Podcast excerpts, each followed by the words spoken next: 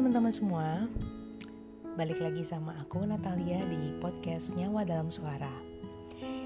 Hari ini aku lagi pingin bahas soal um, kasus pelecehan seksual yang lagi marak banget. Um, kasus pelecehan seksual ini agak unik karena dilakukan oleh pelaku yang memiliki kelainan seksual dan dua-duanya berkedok penelitian. Jadi yang pertama ada pelecehan seksual di mana ada belasan korban yang diminta oleh pelaku untuk membungkus diri dengan menggunakan kain pocong jarik. Yang terbaru, terkuak bahwa seorang mantan dosen juga melakukan pelecehan seksual dengan curhat kepada para korbannya mengenai praktek seks bertukar pasangan atau biasa disebut swinger yang dia lakukan. Dan gak hanya itu, dia juga mengakui bahwa dia pernah melakukan pelecehan seksual uh, kepada beberapa korban, baik berupa verbal, tulisan, ataupun fisik. Isu ke isu kekerasan seksual ini kayaknya masih jadi PR ya sampai hari ini dan belum terselesaikan gitu. Gak hanya menimpa perempuan, laki-laki juga mengalami hal yang sama. Ada banyak bentuk kekerasan seksual ya. Kalau kita searching, um, bentuk kekerasan seksual itu macam-macam. Misalnya pemerkosaan, intimidasi seksual, pelecehan seksual, eksploitasi seksual, perdagangan manusia atau human trafficking untuk tujuan seksual, dan masih banyak lagi bentuk lainnya beneran ini masalah yang benar-benar kompleks teman-teman. Bahkan sebetulnya catcalling itu juga merupakan bentuk pelecehan seksual loh. Catcalling itu bisa berupa siulan kalau kita lagi jalan atau misalkan dipanggil-panggil cantik, halo cewek, kayak gitu-gitu. Atau digodain kayak gitu. And that's seriously annoying. Itu nggak lucu itu nggak menyenangkan. Korban juga pasti risih banget dan mungkin ada trauma yang tersisa setiap kali dia berjalan sendirian gitu. Nggak cuma cewek banyak juga cowok-cowok yang juga mengalami catcalling. Bisa dari perempuan bisa juga dari sesama laki-laki yang menyukai sesama jenis. And you know it's not normal okay? It's not normal. Orang berpikir catcalling itu biasa ya makanya lu harus uh, hati-hati kalau di jalan. No no no it's not normal. Dan begitu banyak ya kasus yang terkait um, pelecehan seksual kekerasan seksual belakangan ini. Dan sayangnya pemerintah itu belum menetapkan RUU penghapusan kekerasan seksual. And even worse, bulan lalu Komisi 8 DPR justru mengusulkan agar RUU penghapusan kekerasan seksual itu dikeluarkan dari daftar program legislasi nasional yang uh, biasa disebut prolegnas prioritas 2020 artinya nggak akan di nggak akan dijadiin prioritas di tahun ini. Kayak gitu. Alasannya kenapa? Pembahasannya agak sulit gitu katanya. Ada miris banget ya. Padahal para korban itu sangat-sangat butuh perlindungan hukum dan juga keadilan. Yang terjadi malah sering kali korban itu malah jadi um, disalahkan, dibully. Bahkan banyak yang dinikahkan loh dengan pelaku kekerasan seksual. Kasihan gitu loh. Belum nikah aja udah ngalamin hal-hal yang menyiksa hidupnya ya kan apalagi kalau dinikahkan dengan pelakunya gitu kan. Itu akan jadi suatu siksaan seumur hidup. Nah terus apa dong yang bisa kita lakukan untuk melawan kekerasan seksual? Dengan memakai per, uh, pakaian tertutup gitu? Well I tell you something. Pakaian yang kita pakai tidak mencegah kita dari pelecehan seksual. Pada kenyataannya dalam kasus pelecehan seksual, mayoritas korban menggunakan pakaian tertutup pada saat kejadian. Top 3-nya, 18% memakai rok atau celana panjang, 16% memakai baju lengan panjang, dan 17% memakai hijab. Men, ini sama sekali bukan soal baju. Seperti kata um, Ko Ernest Prakasa, kalau kalian follow Instagramnya dia, dia ada ngobrol juga soal hal ini kan. Kita ini bukan hewan gitu loh. Kita tuh bukan kucing yang kalau dikasih ikan asin itu langsung secara alami makan ikan asin itu kita punya otak, kita punya hati nurani yang membuat kita mampu berpikir dan itu yang membedakan kita dari hewan. Kita mampu berpikir apa yang harus kita lakukan ketika ada sesuatu di hadapan kita. Kita punya kemampuan untuk merespon. Kayak gitu. Dan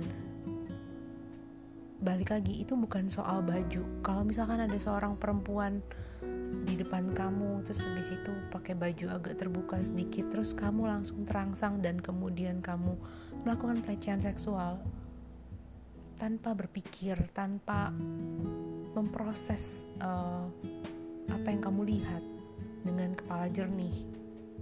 Apa bedanya dengan hewan ya kan?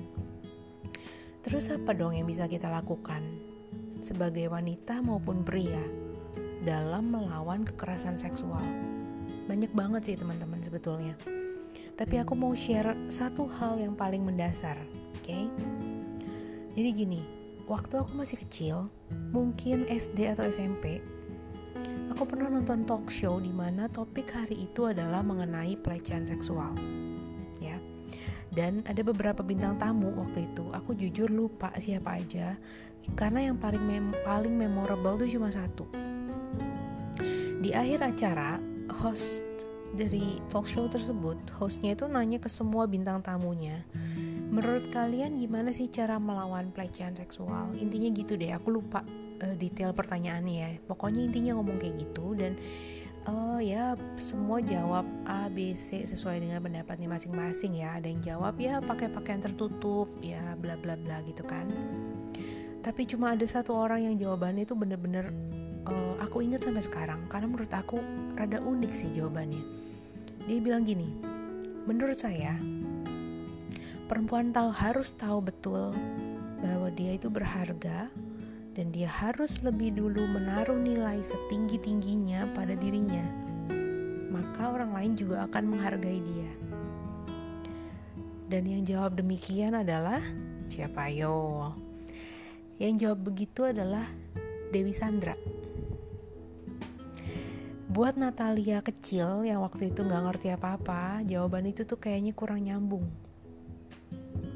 ya kan? Ditanyain gimana cara melawan pelecehan seksual. Jawabannya menaruh nilai setinggi tingginya pada diri sendiri. Aku tuh mikir apa korelasinya coba ya kan? Oke mungkin menaruh nilai pada diri sendiri setinggi tingginya supaya orang lain juga menghargai kita gitu kan. Tapi apa iya? Itu um, menjadi cara yang aktif efektif untuk memerangi kekerasan seksual. Nah, ketika aku udah beranjak dewasa gitu ya, lately aku inget-inget lagi akan hal itu. Dan akhirnya aku paham dan aku setuju banget dengan hal itu. Itu buat aku itu adalah suatu hal yang paling dasar yang paling basic dari sebuah bentuk perlawanan terhadap pelecehan seksual. Aku mau share tiga poin sih ke teman-teman semua satu sadari bahwa kita itu begitu berharga dan mulia ketika kita menyadari nilai kita kita nggak akan memandang diri kita tuh rendah.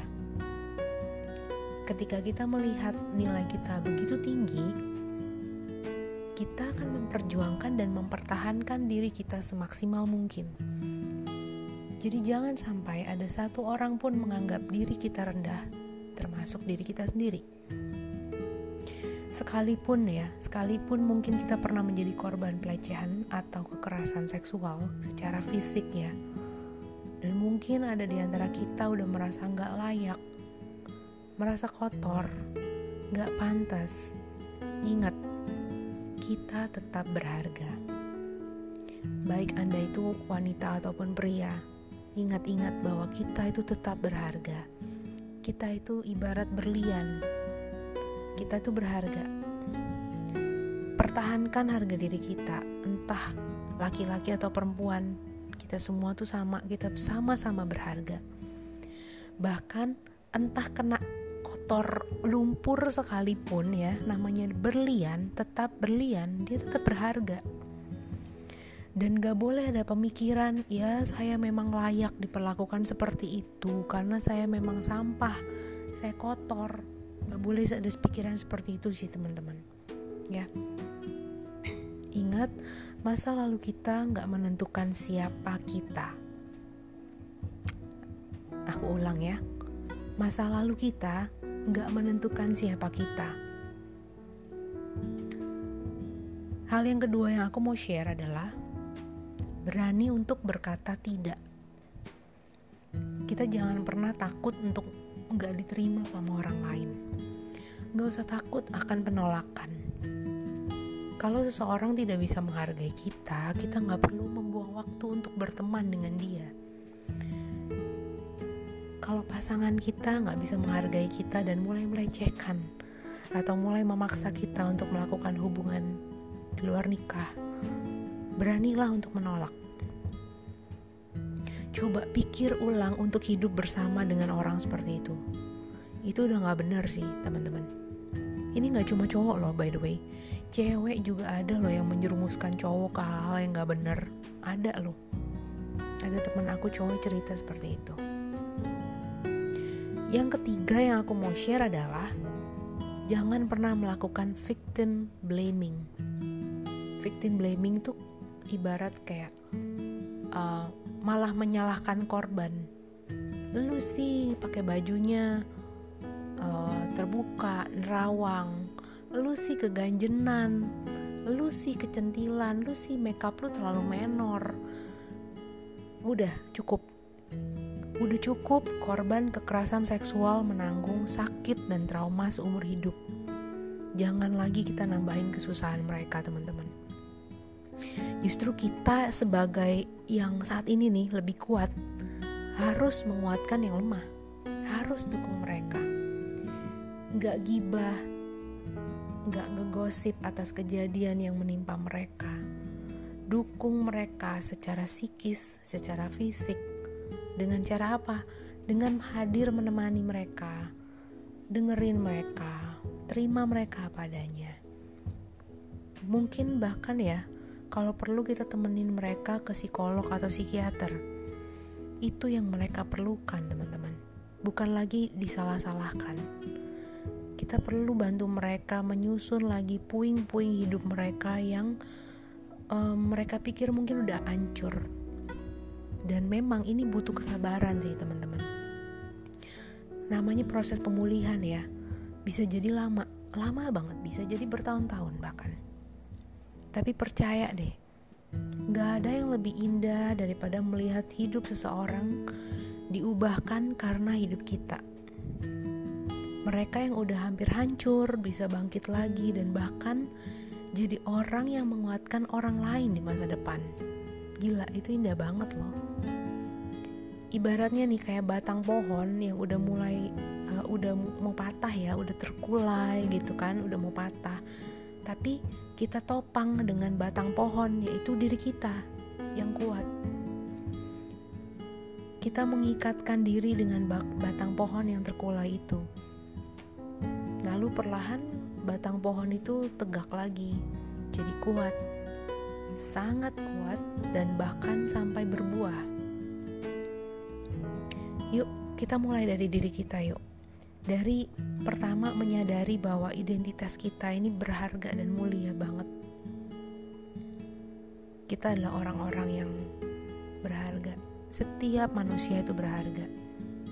Dan kita yang kuat wajib kudu harus menanggung mereka yang lemah membantu mereka melihat bahwa mereka juga berharga.